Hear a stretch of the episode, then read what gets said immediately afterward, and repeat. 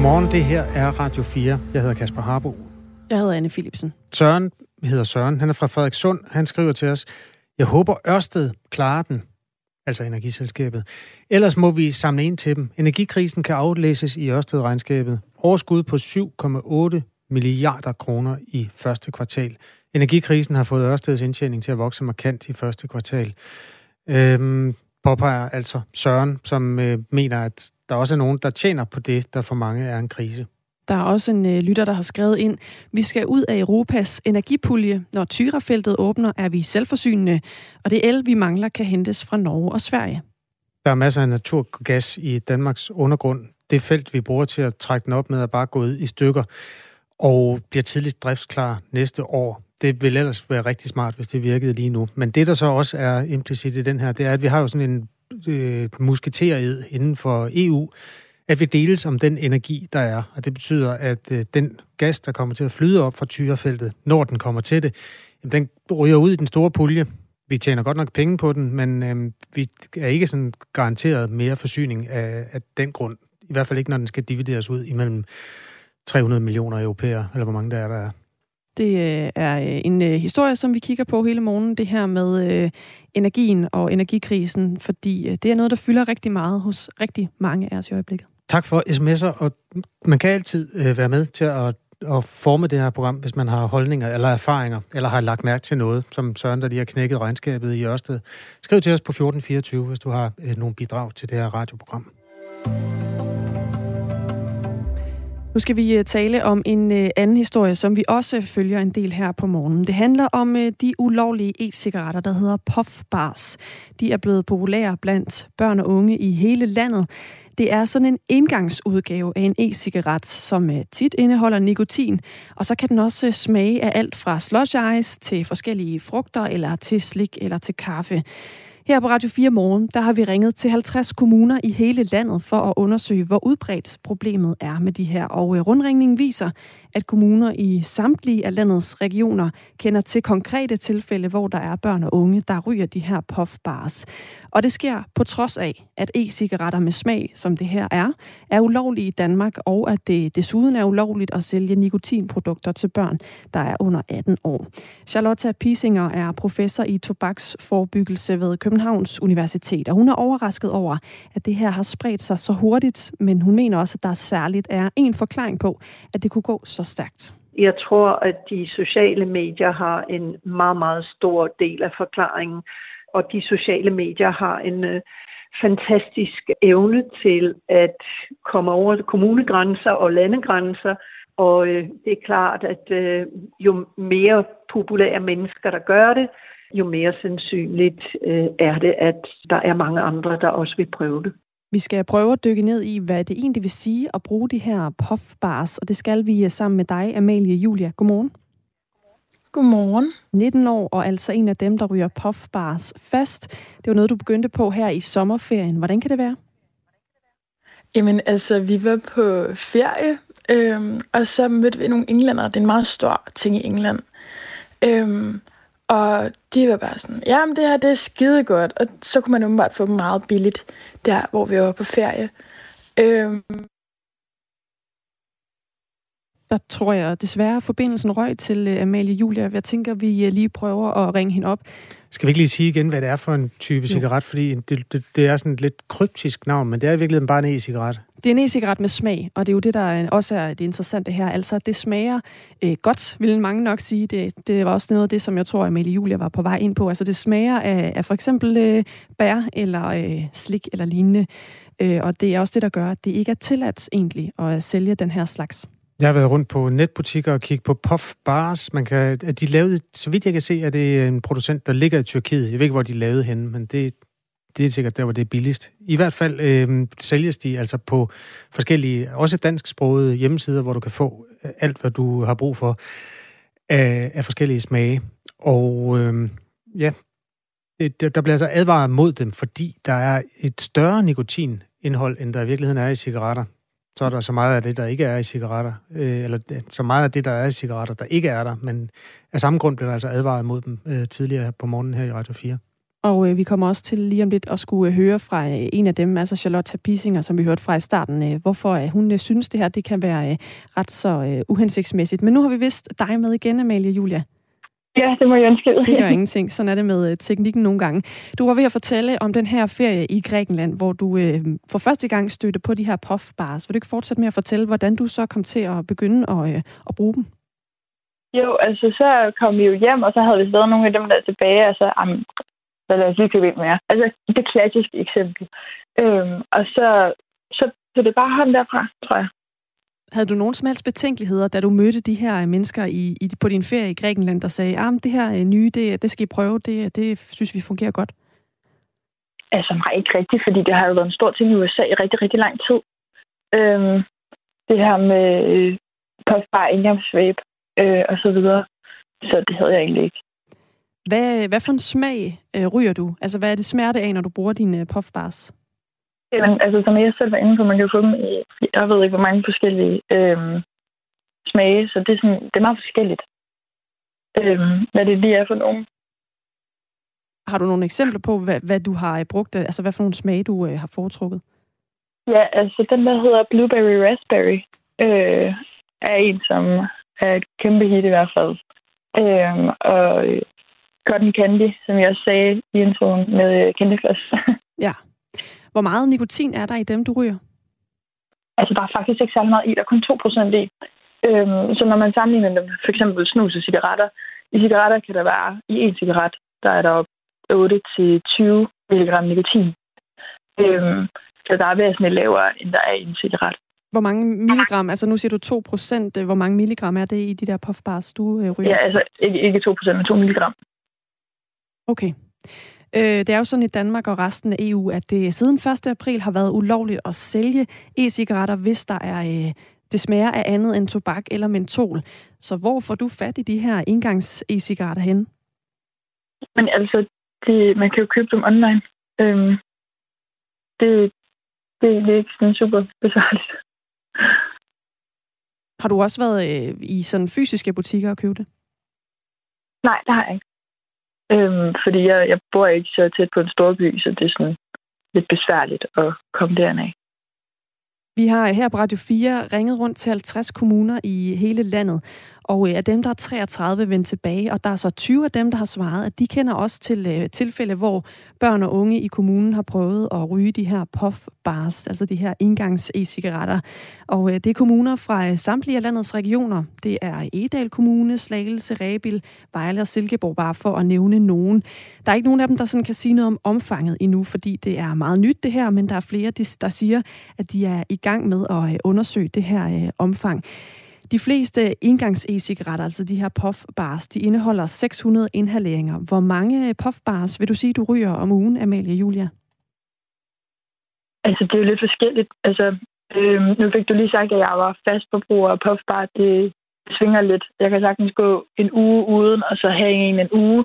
Øh, men jeg tror måske, at jeg konsumerer en om, en om ugen i gennemsnit, og så holder jeg pause, og så sådan lidt forskelligt. Vil du kalde det, det vil, vil du sådan sige, det er også er fast brug, altså når det er en gang om ugen, altså du bruger en om ugen med 600 inhaleringer? Mm, altså så kan jeg jo bruge måske en på, det er for eksempel, hvis jeg går i byen, så øh, har jeg en med, og så ligesom at der er nogen, der festryger, og så bruger jeg måske min puffbar lidt mere, end jeg normalt vil gøre. Derfor så kan jeg godt ende med at bruge den på en uge, så løber jeg tør, og så får jeg ikke lige købt nogen hjem, så kan jeg gå en uge uden, og så kan jeg måske få købt en, og så kan den måske, hvis uden jeg går til fest, så kan den måske godt holde to uger. Altså, så det er sådan lidt forskelligt, ikke? Hvis nu du ikke ryger puffbar i en periode, kan du så mærke det? Altså, mangler du så noget? Øhm, nej, det synes jeg egentlig ikke. Og det, men jeg tror også, at mit, øh, mit eksempel er lidt noget andet, da jeg har været nikotinafhængig før. Øhm, så jeg ved, at jeg skal være meget påpasselig med at bruge de her puffbar, fordi at ikke nok med det nikotin, men også de her sødemidler. Jeg tror faktisk, det er sødemidlerne i puffbaren, der er mere vanedannende, øh, end det er selve nikotinen i puffbaren. Vi kan lige høre i hvert fald fra øh, Charlotte Pisinger, som er professor i tobaksforbyggelse ved Københavns Universitet, om øh, hvorfor hun mener, at de her puffbars kan få nogle ret alvorlige konsekvenser. For det første så indeholder de nikotin, og vi ved, at nikotin er et stærkt afhængighedsskabende stof. Man skal ikke bruge det særlig lang tid, før man bliver meget afhængig.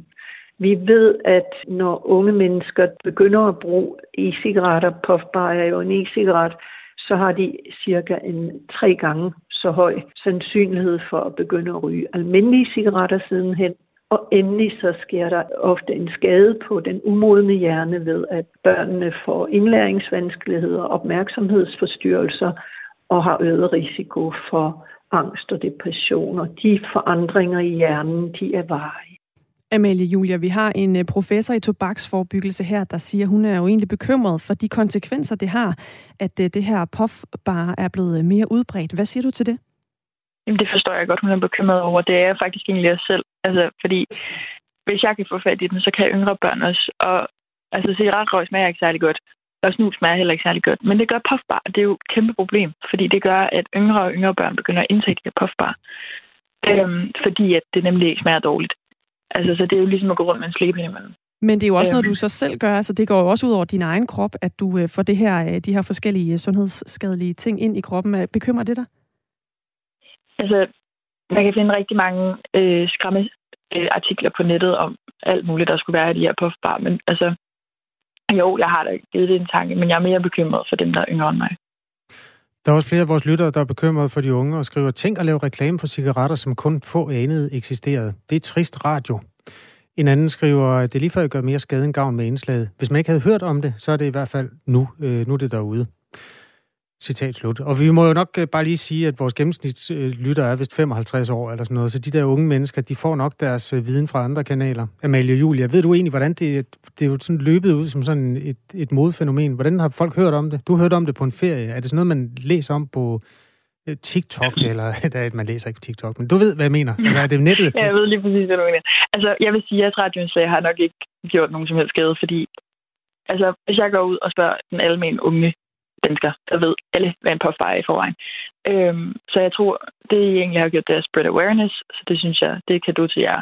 Øhm, og altså, jeg har hørt om det fra, altså, jeg er faktisk TikTok, fordi at øh, amerikanerne er kæmpe store på TikTok, og de har jo ligesom haft gang i de her puffbar i meget, meget længere tid, end de danskere har. Så det har ligesom spredt sig. Øh, så jeg har vidst, hvad puffbar var længe, øh, men ikke mødt det first hand, før jeg var på ferie. Når jeg sådan hører dig fortælle om det her, Amalie Julia, du siger det her med, at vi, vi spreder ligesom øh, opmærksomhed på, at det her kan være en udfordring osv., så, så lyder det jo også lidt som om, du selv tænker, at det ikke er specielt godt, og det her burde egentlig ikke blive udbredt. Men samtidig så er det jo også noget, du selv bruger. Hvad tænker du om det? Jamen, det er jo også et kæmpe personligt dilemma, som jeg jo også står i, fordi at jeg ved, altså, det er ligesom, altså, når man ryger, så ved man jo godt, at det ikke er skide smart at ryge.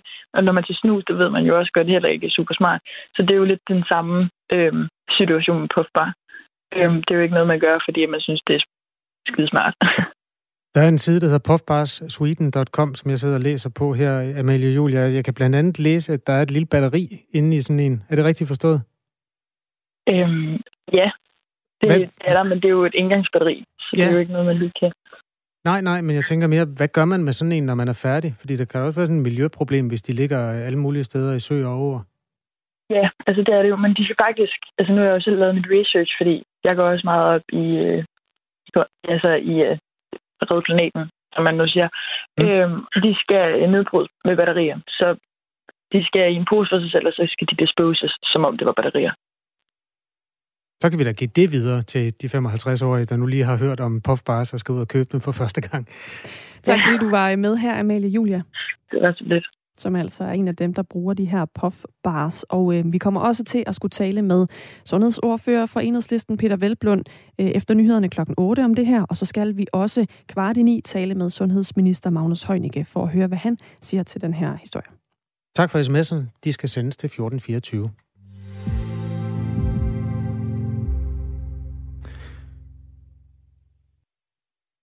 Vi vender os mod et andet sted i øh, sundhedsdebatten, øh, nemlig coronapandemien, som vi ikke har været gode nok til at håndtere.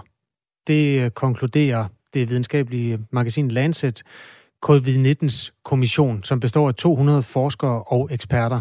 Kommissionen har fulgt den internationale håndtering af pandemien siden juli 2020, altså de sidste to år, og øh, den retter kritik både mod regeringer og mod Verdens Sundhedsorganisationen WHO, som jo var maskinrummet i forhold til indsatsen globalt.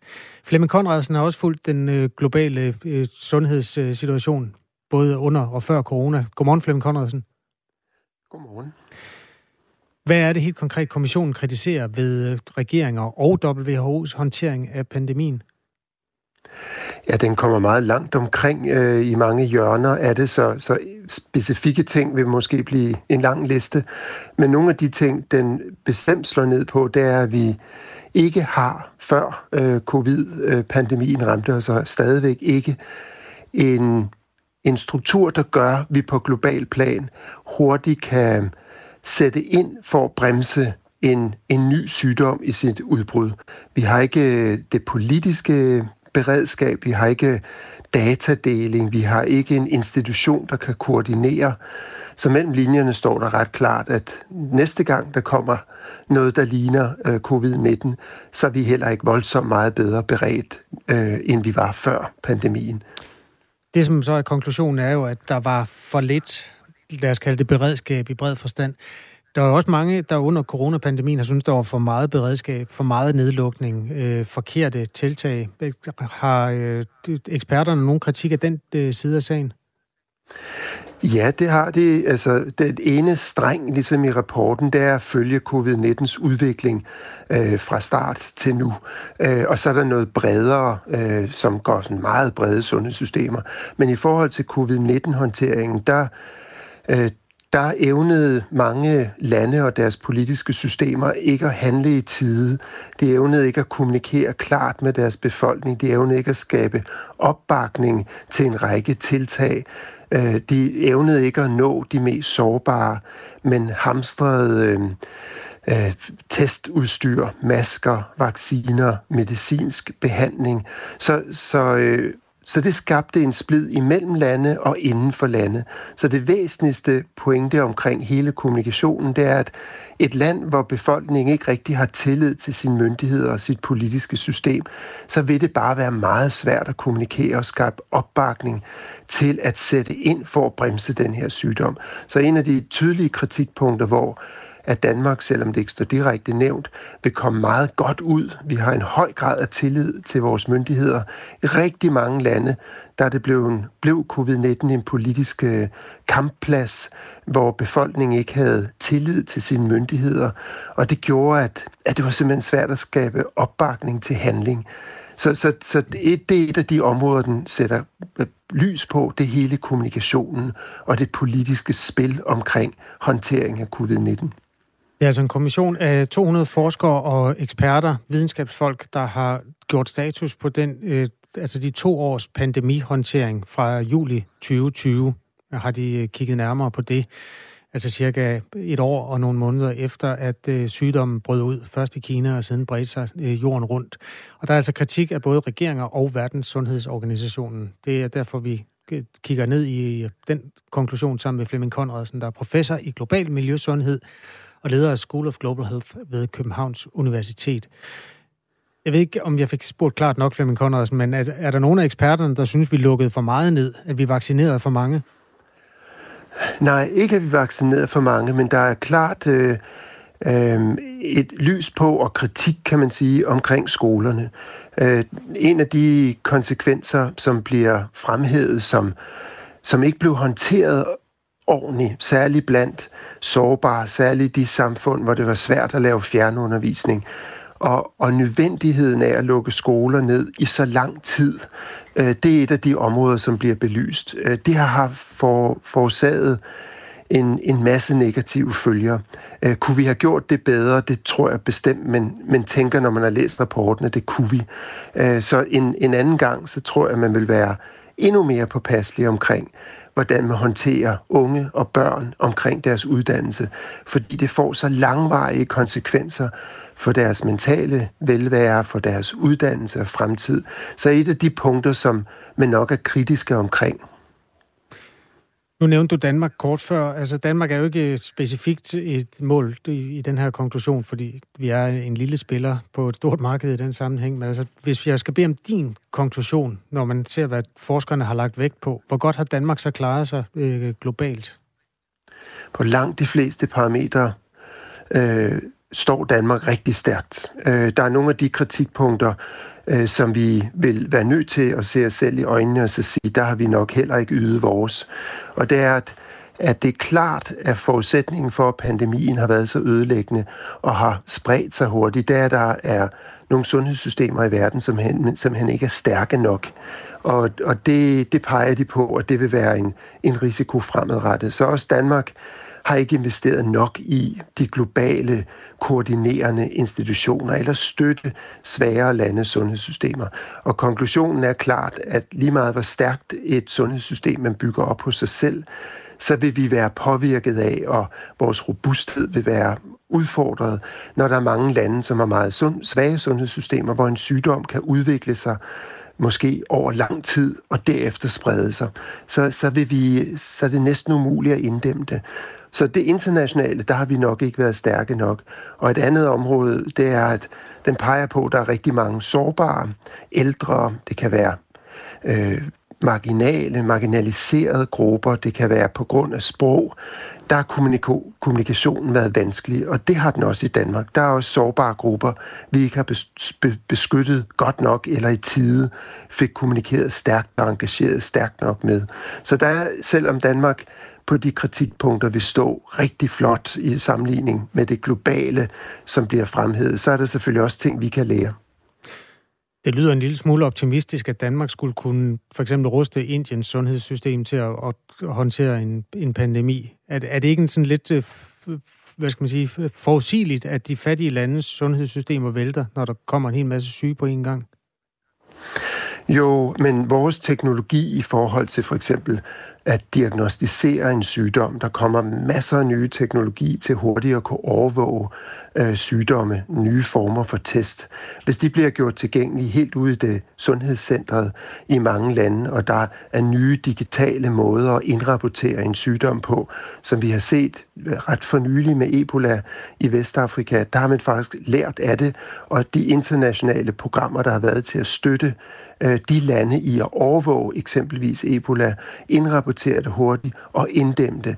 Det har nu over de sidste måneder flere gange resulteret i, at en sygdom, som kunne være meget alvorlig og sprede sig, ikke har gjort det. Simpelthen fordi man, man har investeret i for eksempel overvågning og responssystemer. Så det er ikke en umulighed. Vi har masser af sundhedsprogrammer, som har været gigantiske succeser. Øh, men det kræver vedholdende investeringer, og det kræver, at vi fokuserer på det, og ikke kun os selv. Sagde Flemming Conradsen, tak skal du have. Professor i global miljøsundhed og altså leder af School of Global Health ved Københavns Universitet. En reaktion på øh, den øh, konklusion, som kommer fra øh, en masse videnskabsfolk, over 200 forskere og eksperter, som altså har fulgt den internationale håndtering af coronapandemien, som den rullede sig ud siden juli 2020. Der er kritik af regeringer og også af WHO, og altså også implicit ros til en lille smule til Danmark. Så kan vi i hvert fald vælge at tage landsholdstrøjen på og læse øh, dele af rapporten. Klokken er øh, 28 minutter over syv, altså to minutter i halv otte, den her torsdag formiddag. Julelysreporteren blev jeg udråbt til tidligere på ugen. Korrespondent, tror Korrespondent, okay, lad os ja. sige det. Altså, jeg holder lidt øje med, hvor er det, energikrisen kan aflæses i vores traditioner. Mm. Jeg har en ny variant i dag, vi bare lige ja, kan nu runde. Ja. Skøjtebanerne. Ja. Det kommer til at blive svært at få lov at stå på skøjter udenfor i hvert fald i år. Middelfart, Esbjerg og Aarhus har valgt at sige, vi dropper der øh, vores udendørs skøjtebaner på grund af energipriserne. Nå, det er selvfølgelig en stor fryser, der ligger derude. Det er jo det, en stor fryser, og nogle gange i noget, der er meget op af plusgrader, ikke? Altså, så kan det godt være øh, rimelig svært. Øhm, ifølge en af øh, de politiske, eller dem fra byrådet i Esbjerg, så koster en gennemsnitlig udendørs skøjtebane 30.000 kWh på en vintersæson. Og det er jo også en chat. Ja, gange 6 eller sådan noget. Det er 30.000, det er 200.000 kroner. Ja. Ja. ja. ikke, ja, kroner. Ja, det er det måske. Ja, det er jo kroner, vi ja. bruger det er jo det her i landet. Så kan det godt være, at jeg fik øh, givet udtryk for forleden, at jeg øhm, forstår begrundelsen for at slukke julelys, men det ærger mig lidt.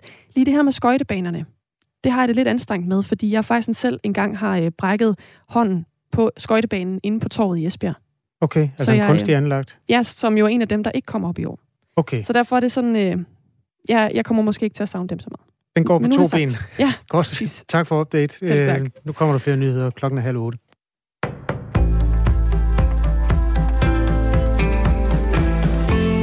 Kommunerne står med en stor ekstra regning på grund af de galopperende priser på energi og madvarer. Derfor har kommunernes landsforening nu henvendt sig til regeringen for at få dækket ekstra udgifterne. Kommunerne skal blandt andet varme kommunale bygninger op og købe mad til børnehaver og plejehjem, og derfor står de med en ekstra regning, der løber op i 600 millioner kroner i år og 1,4 milliarder kroner i 2023, hvis man tager udgangspunkt i Finansministeriets seneste skøn for den økonomiske udvikling. Det ligger en del højere end i maj måned, da regeringen og kommunerne forhandlede om rammerne for den kommunale økonomi. Det fortæller Martin Dam, der er formand for KL og Venstre borgmester i Kalundborg Kommune. Vi hejste flaget allerede, da vi forhandlede kommuneaftalen med regeringen i foråret. Vi troede dengang ikke på, at vurderingen af prisstigningstakten ville holde stik, og det gjorde det jo så heller ikke, siger KL-formanden. Flere millioner cigaretskod ender hvert år på gaden, stranden eller i skoven.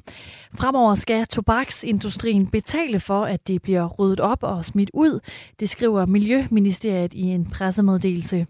Fra den 5. januar næste år træder et oprydningsansvar i kraft i alle EU-lande. Det betyder, at tobaksproducenter i Danmark hvert år skal betale 32 millioner kroner for oprydningsarbejdet. Pengene til oprydningen går til kommunerne, der står for oprydningsarbejdet.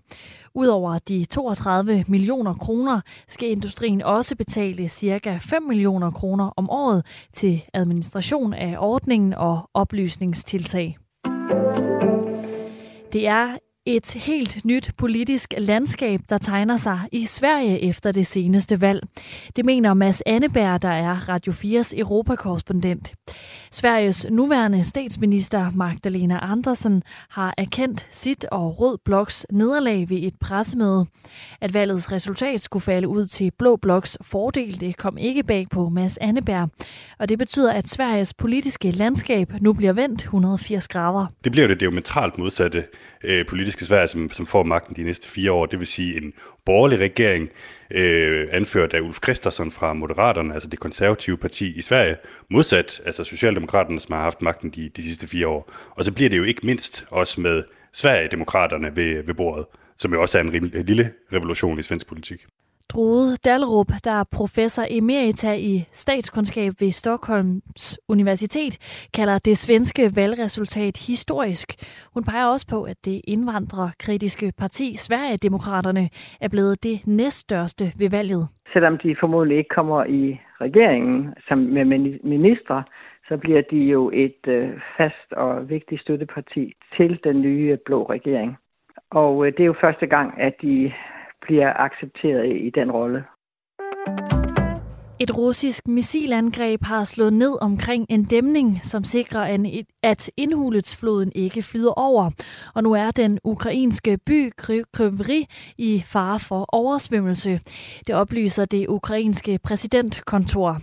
Normalt så sikrer en dæmning, at vandstanden i floden den ikke bliver for høj, men efter vandgrebet fosser vandet nu igennem. Ifølge præsidentkontoret arbejder myndighederne i øjeblikket med alle greb for at minimere faren for oversvømmelser så meget som muligt. Byer, særligt i de sydlige egne, men også lidt sol, mellem 13 og 17 grader.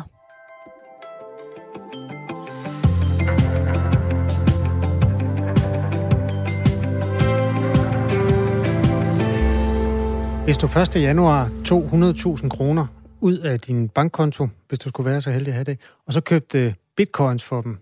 Ja, 1. januar i år. Mm. Ja. Så ville du kunne sælge dem for 50.000. Ej.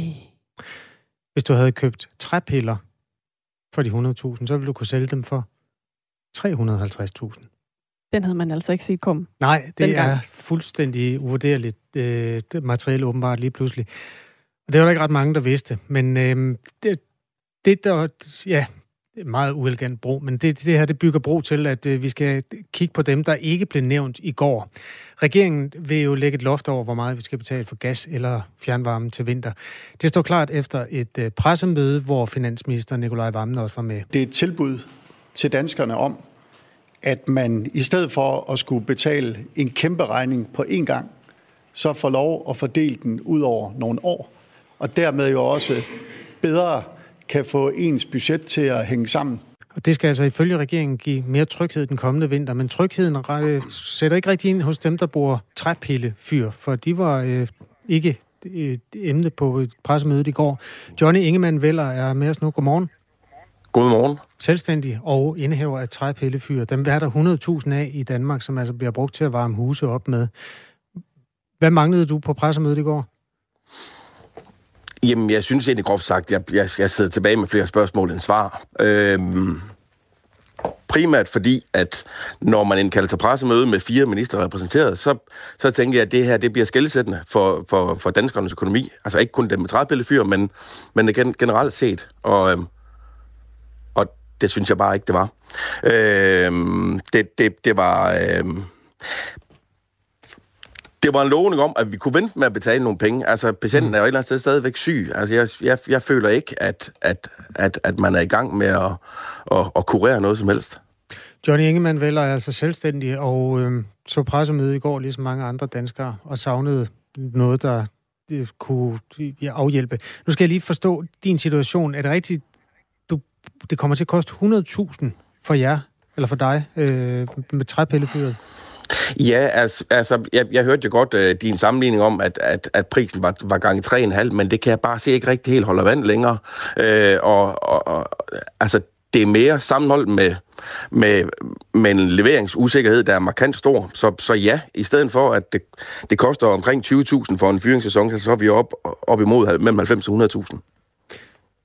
Hvordan varmer I op så?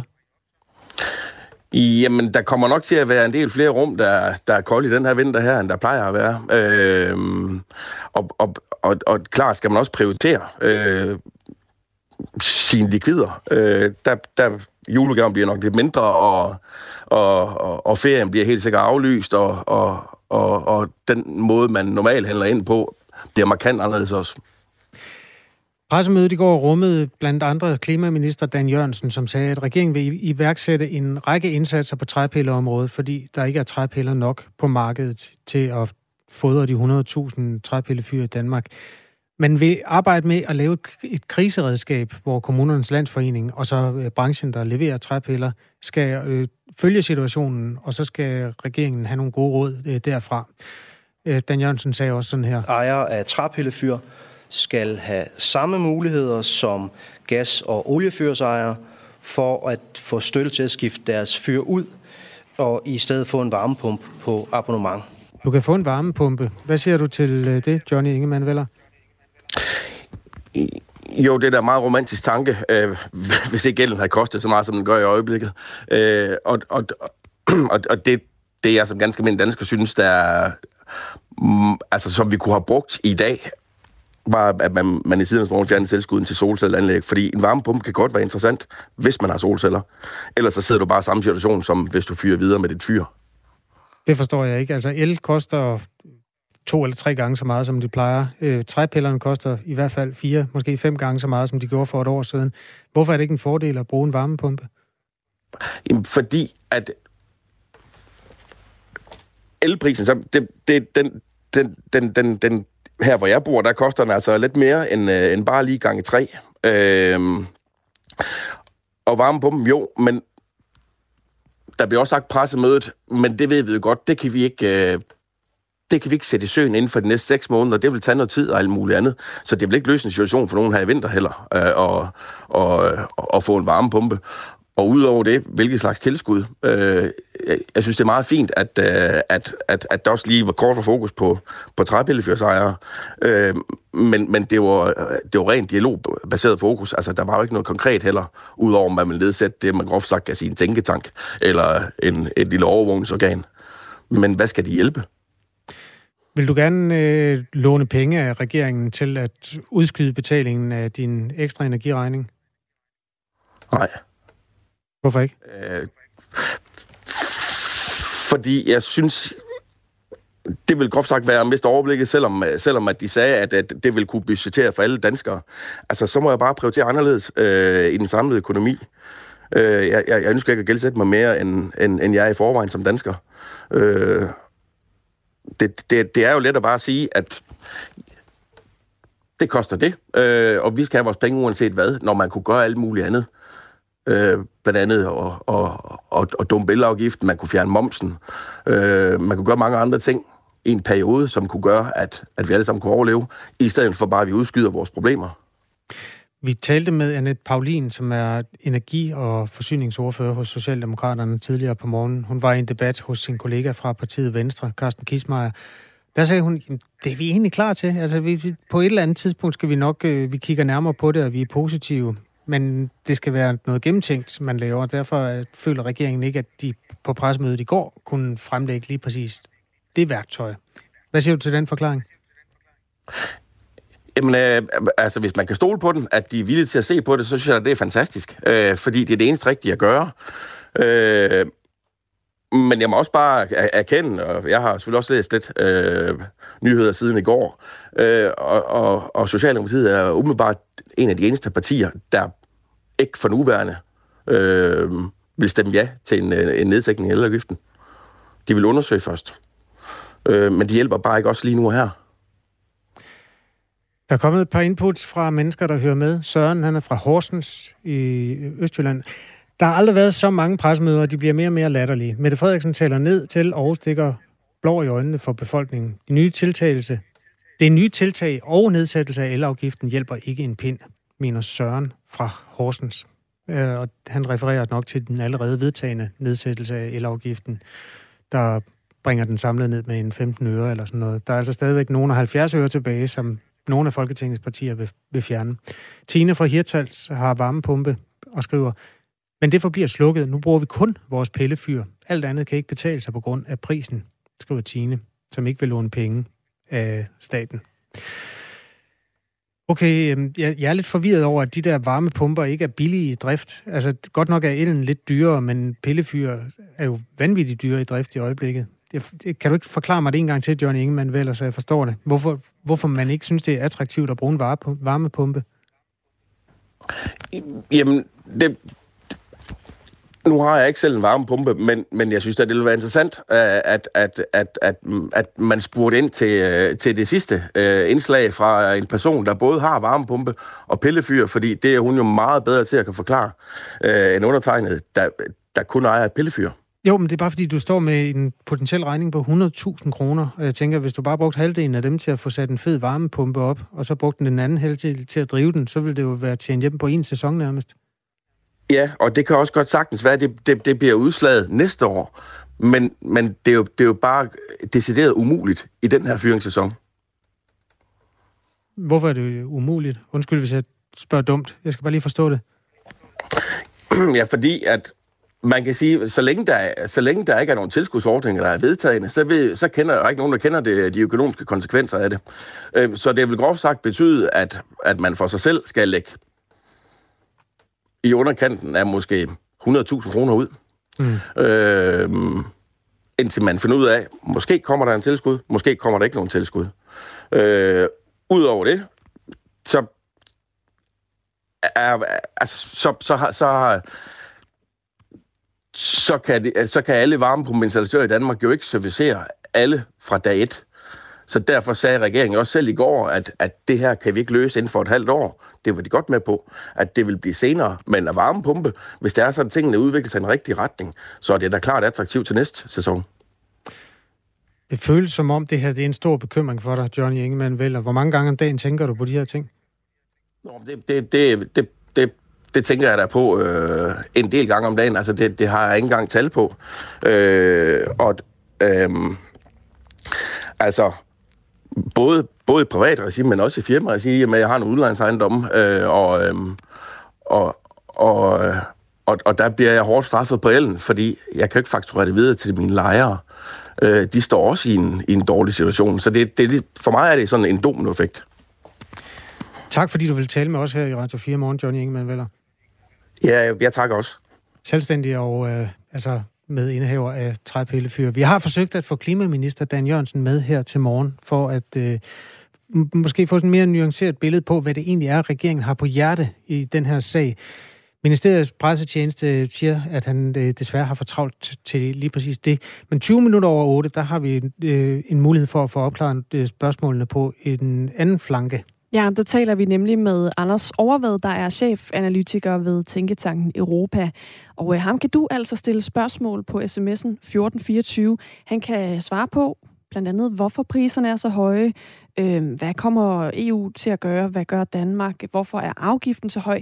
Altså kort sagt, han ved en hel masse om øh, den her energikrise, vi står i, og også de ting, der ligger rundt omkring energikrisen. Og øh, han er altså med 5 minutter over halv ni til at svare på øh, spørgsmål fra dig, der lytter med. Du kan skrive til os på 1424. Du kan også sende kommentarer, som nu den her. Jeg havde oliefyr før varmepumpen. Jeg vil ønske, at jeg havde beholdt oliefyret, så havde jeg brugt det her til vinter. Jeg bruger 1000 kWh om måneden på varmepumpen. Der kunne jeg købe dieselolie billigere end el, skriver vores lytter. Altså spørgsmål eller bare kommentar, skriv til os på 1424. Vi gjorde det! Missionen på Radio 4 er taleradio, der handler. Vi kan godt lide at gøre noget. Ja. Yeah. Ikke? Ikke bare tale. Fra mandag til torsdag kaster Amalie Bremer og Tony Scott sig over en ny mission. Vi to taler jo meget. Mm-hmm. Og så har vi en handlende kraft. Ja, ja. Nå, sådan har vi fordelt det. Som er reporter, Rasmus. Ah! Når det rigtig bliver svært, så siger vi, og nu stiller vi over til dig, Rasmus. det skal du gøre. Lyt til missionen mandag til torsdag fra 15 til 17. Radio 4 taler med Danmark.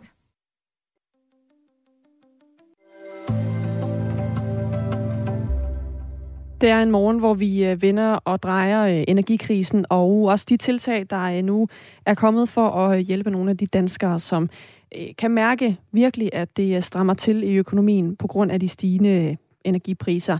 Det er ikke kun øh, på den måde gennem regeringens tiltag, at nogen får hjælp. Det er der også nogen, der øh, gør ved at øh, få hjælp til for eksempel at få mad eller få andre ting, som øh, kan være svære at få råd til i en tid som den her. I går kunne vi fortælle, at kirkerne oplever, at der er flere, der efterspørger deres hjælp på grund af krisen. Det kan for eksempel være en madkurv eller, eller andre sådan fysiske ting, som kan være svære at få råd til.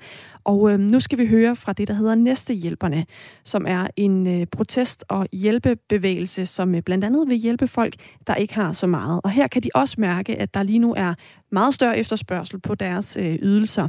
Vores reporter Katrine Volsing tog til Frederikshavn i Nordjylland, hvor Næstehjælperne i samarbejde med den lokale forening, der kæmper mod madspild, blandt andet tilbyder folk, at de kan komme og hente noget mad. Det er Kjeld Andersen, der fløjter. Han er frivillig hos Næstehjælperne, og han står med hovedet nede i frugten.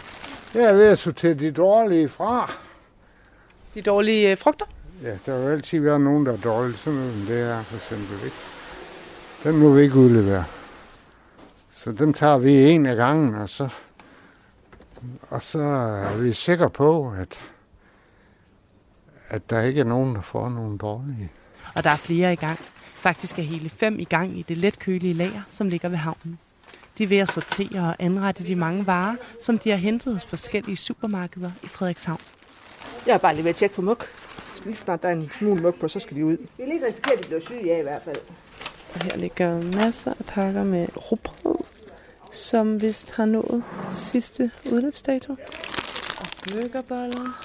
Original burgerbun fra Hatting, som udløb i går. Den her gjorde i hvert fald. Det, man lever af, de grove grøntsager, de ligger først. Det er Janni, der er frontfigur for det hele. Så de må tage kartofler, de må tage løg, gulerødder. Så er der salat, grønt herovre, der er kål, der er masser af tomater og peberfrugter, og det de helst vil have. Du kan se en pakke tomater her, der er typisk en tomat i pakken, der ikke er helt okay. Så må butikken ikke længere sælge den. Øh, de må heller ikke øh, åbne den og fjerne den ene dårlige tomat, men det må vi gerne.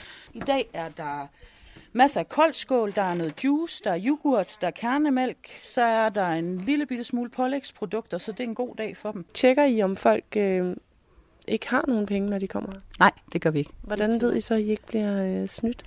Det ved man aldrig. Men øh, det her er et lokalsamfund, og, og det betyder, at du er jo aldrig anonym. Altså træder du ind ad døren her og har en stor million insekter og flere biler hjemme i garagen, så ved folk her, det er jo godt. Men min erfaring er, at øh, vi har meget, meget få, der ikke har brug for at hente med her, som gør det. Hvor meget har I oplevet, at denne her øh, krise, som både er skabt af, ja, blandt andet af krigen i Ukraine, hvor, hvor meget har I oplevet, at, øh, at den spiller ind på jeres øh, brugere? Øh, vi kan i hvert fald se, at gruppen af pensionister og gruppen af folk, øh, som går på arbejde, men hvor lønnen ikke slår til, er vokset. Altså, øh, dem på overførselsindkomst har altid haft svært ved at få enderne til at nå hinanden. Øh, men den gruppe, øh, der egentlig rører mig mest, at vi har fået mange ind af, det er helt almindelige pensionister, folkepensionister som er øh, meget ydmyge over overhovedet at skulle benytte sig af initiativer som det her, som, som simpelthen ikke har en kultur for at spørge om hjælp, og som er vant til at klare sig selv, og hvor ydmygende det er at komme ind ad døren her, hvor, hvor stor arbejde vi er nødt til at lægge i og prøve at gøre det værdigt at være her. Der er over 30 mennesker, der er mødt op i forskellige aldre og med forskellige bevæggrunde for at være her. Kurt og Kirsten er her for allerførste gang. Og hvad har fået jer herhen i dag? Jamen det er, da jeg fandt ud af, hvor lidt man får i pensionen. Så til sammen har vi ikke ret meget at gøre med. Så det var sådan lige tænke, puha, og elregningen stiger og så videre, så videre. Altså mange ting på en gang. Så tænkte jeg, nu må vi gøre et eller andet, og se om det her var en mulighed for at supplere. Jamen varmeregningen, den stiger jo også voldsomt. Altså, vi er nødt til at skrue helt ned. Og så er vi så heldige at have en en brændeovn, så det bliver supplement her til vinter. Frygter I, at det bliver værre, når det bliver øh, koldere her de kommende Ja, men det, det gør vi. Og, og nu har jeg lige siddet og kigget på telefonen, at øh, fru Frederiksen har taget et nyt initiativ til, at man kan få elregningen udskudt til næste år. Men det her problem, det er måske ikke over til næste år. Så står der lige pludselig med dobbelt til næste år. Jeg vil sige, det er som en pisse i bukserne, så det hjælper jo ingenting. Nej. Så igen nummer 5. Det er blevet Kirsten og Kurts tur til at tage en rød kog og gå ind i lokalet ved siden af og fylde den op med madvarer. Ja. Det er godt nok lang tid siden. Det er for Ved du, hvad de koster om dagen? Ja, det ved du ikke. 1895. Ja. Nogle gange 23. Hvordan er I indtil videre stillet over for at komme igen her? Jamen, øh, i hvert fald lige med, med, med maden, det ser jo fantastisk ud, synes jeg. Mens Kirsten og Kurt og de andre fylder deres kurve op, møder jeg Janni igen. Der er der en del nye? Ja. Det er lidt overraskende. Det er sjældent, vi har så mange nye ind ad døren på én gang. Så det er dejligt. Hvad tror du, det skyldes? Jamen, øh, jeg går ud fra, at øh, vi, vi, vi er 14 dage ind i måneden, og hvis man har fået et ordentligt nyk på elregningen, så er det nu, det begynder at stramme til. Så nogle er her nok lidt præventivt, og nogle er her helt sikkert, fordi at pengene er ved at løbe tør. Sådan sagde Janne Johansson, som altså er stifter og daglig leder af Næstehjælperne Nord, som dækker over Frederikshavn, Jørgen og Brønderslev. Jeg var lidt på glat is, da jeg lavede interviewet med Johnny for lidt siden, som siger nej tak til at installere en varmepumpe i sit hus, selvom han har en regning på træpiller, der stikker helt af. Øhm, I virkeligheden så koster den noget mere, end jeg anslog. Jeg tror, jeg var ude i noget med 50.000. Men der er en, der skriver her. Varmepumpe vil kræve investering på 90-120.000 for en forbruger, den kræver serviceabonnement, og den har en levetid på 10-15 år. Så business case er sjældent god. Så prisen er et problem, skriver altså øh, en af vores lyttere. Det sidste er min tilføjelse. Og så er der det problem, at det er virkelig svært at få fat i en. Ulrik påpeger, eller han kender faktisk en af lederne i en af Danmarks største VVS-firmaer, der er alt udsolgt af varmepumper. Og det samme skriver vores lytter Anders. Det har længe været meget vanskeligt at få fat i sådan en. Dem er der også venteliste til. Det er altid dejligt, når vi kan øh, få lidt opklaring også ind på sms'en 1424, også med, øh, hvis man selv har en erfaring med det, vi øh, sidder og, og taler om herinde. Ja, mange tak. 7 minutter i 8. Sveriges socialdemokratiske statsminister Magdalena Andersson vil øh, senere i dag tage sin afsked som landets statsminister. Det meldte hun på et øh, pressemøde i aftes, hvor hun erkendte nederlaget ved riksdagsvalget, som egentlig fandt sted i søndags, men hvor det tog en hel del tid at få optalt stemmerne og øh, få et endeligt valgresultat. Det lyder sådan her. Blå Blok får 176 mandater mod 173 til Rød Blok, og dermed så bliver det Moderaternes leder Ulf Christensen, der skal forsøge at danne en ny regering i Sverige. Godmorgen, Mads Anneberg. Godmorgen. Europakorrespondent for os her på Radio 4, og så har du også fulgt det svenske valg. Hvad er det for en opgave, Ulf Christensen står over for nu? Mm, det er en svær opgave, vil jeg sige. Altså, han er sikkert glad for at stå der, fordi at, øh, det er lang tid, han har kæmpet for at, at få det her flertal. Men altså, det er en svær opgave, fordi han har fire partier øh, her blandt sit eget, som, som er relativt forskellige, og som han skal have til at mødes i et regeringsgrundlag, så at sige. Og øh, det strækker sig altså hele vejen fra øh, liberalerne, et, et lille, øh, ja, liberalt parti, overraskende nok, og så helt over til, til Sverigedemokraterne på den anden ende af spektret, som ingen jo helt ved, hvordan er at arbejde sammen med, fordi ingen har gjort det før. Det er første gang, og det er jo det, der er så historisk ved det her valg i, øh, i, i Sverige, at Blå Blok nu kommer til at arbejde sammen med Sverigedemokraterne, altså det her sådan, øh, indvandringskritiske parti, som jo fik et kanonvalg øh, med mere end 20 procent af stemmerne. Ja, som jo faktisk blev øh, det største parti i Blå Blok. 73 mandater har øh, Sverigedemokraterne fået. Hvad er det for en udfordring, det giver Ulf Christensen? Jamen udover at det er lidt akavet, så er det jo også, øh, som du siger, en, en udfordring, fordi at øh, Ulf Christensen og de andre øh, sådan mainstream pæne borgerlige partiledere, jamen de har jo øh, sagt, jamen okay, vi ah, samarbejder med, med, med Sverigedemokraterne den her gang, men det betyder altså ikke, at de bare kommer ind og får lige så meget magt, som, som de gerne vil have. Vi skal nok prøve at styre dem lidt, og de kommer ikke i regeringen bare roligt. Øhm, men nu står Sverigedemokraterne her som det største parti, større end selv statsministerpartiet, altså øh, som Ulf Christensen kommer fra, Moderaterne. Og de, altså, de kan jo ikke bare lægge sig ned og sige, jamen okay, hvad end I har lyst til at, at gennemføre politik. Det er jo klart, så, så Sverigedemokraterne kommer til at skulle, skulle have nogle indrømmelser. Og det er jo netop det, som du også er inde på, Ulf Christensen øh, fra Moderaterne har jo været ude og direkte sige, han vil ikke have Sverigedemokraterne med i en regering, det har han sagt tidligere. Kan man forestille sig en blå regering uden ja, det største parti, Blå Blok, altså Sverigedemokraterne, eller er Ulf Christensen nødt til at tage sine ord i sig for at overhovedet kunne blive statsminister?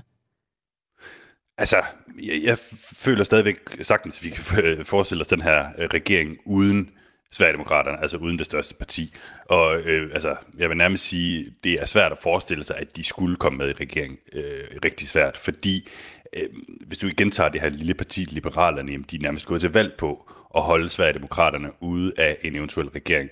Så må vi så se, om de selv kommer med i regeringen. Det er en helt anden historie.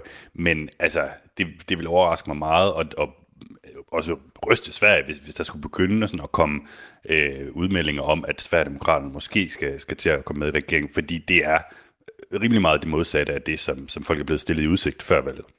Men kan man ikke også forestille sig et scenarie, hvor Sverigedemokraterne kommer og siger, at vi vil i regeringen, og hvis ikke, så har I ikke øh, vores støtte, og vi er altså det største parti i Blå Blok? Jo, så har Ulf Christensen i hvert fald et, øh, et problem og en, og en dårlig dag foran sig, fordi det er, altså, så, så bliver han virkelig en, en, en lus mellem, mellem to negle. Øh, men udmeldingen fra Sverigedemokraten indtil videre, hvis man skal prøve at læse den, så har de jo været ude at sige, Jimmy Åkesson sagde på, på valgnatten, at nu er ambitionen, at de gerne vil i regering. Og det skal han jo sige. Det er jo underligt, hvis ikke de har lyst til at komme i regering, men de har altså ikke været ude at kræve det endnu. Og, og, og den retorik, der har, der har været, har ikke været særlig sådan, altså, konsekvent, eller der har ikke, øh, de har ikke øh, sagt noget om, hvad det vil betyde for dem, hvis ikke de, øh, hvis ikke de kommer i regering. Så, så indtil videre er der ikke noget, der tyder på, at de vil true sig øh, til det. Men der venter altså Blå Blok noget af et øh, puslespil for at få øh, for det her, den her regeringskabale til at gå op. I 2018 der tog det 134 dage før man lykkedes med at danne en regering efter øh, det rigsdagsvalg i Sverige. Tror du, det kommer til at tage lige så lang tid den her gang?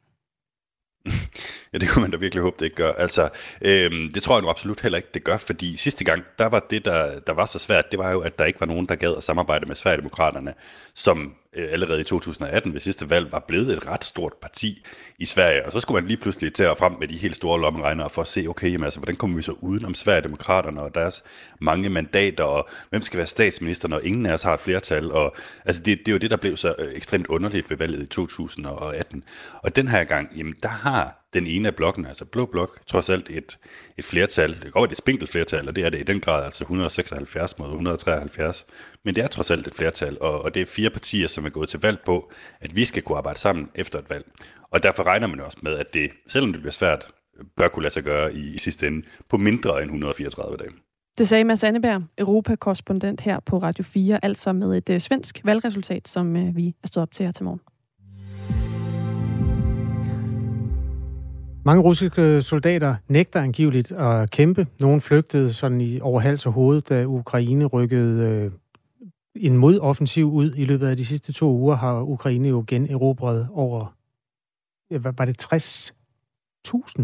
Eller var det 6.000? Undskyld, nu råder jeg det tallene. areal på størrelse med Sjælland. Ja, og det er væsentligt større end Sjælland nu, hvor det hele er talt med. Og det er altså en af grundene til, at der er en retræte, som er gået meget stærkt, og at nogen angiveligt nægter at tage til fronten. Det skal vi kaste lys over øh, om cirka 20 minutter her i Radio 4 morgen, altså efter nyhederne, hvor vi også skal øh, se mere på, at øh, enhedslisten går til kamp mod power, ikke Powerpuff, mod Puff, Puff, puff bars. bars. Ja. Ja. Altså de her engangs e-cigaretter, der kan købes øh, ulovligt i butikker og kan købes formentlig lovligt på nettet, men altså øh, som sundhedsmæssigt har en hel masse slagsider. Det skal vi se på om fem minutter. Først skal vi have nyheder her på Radio 4. Klokken er 8.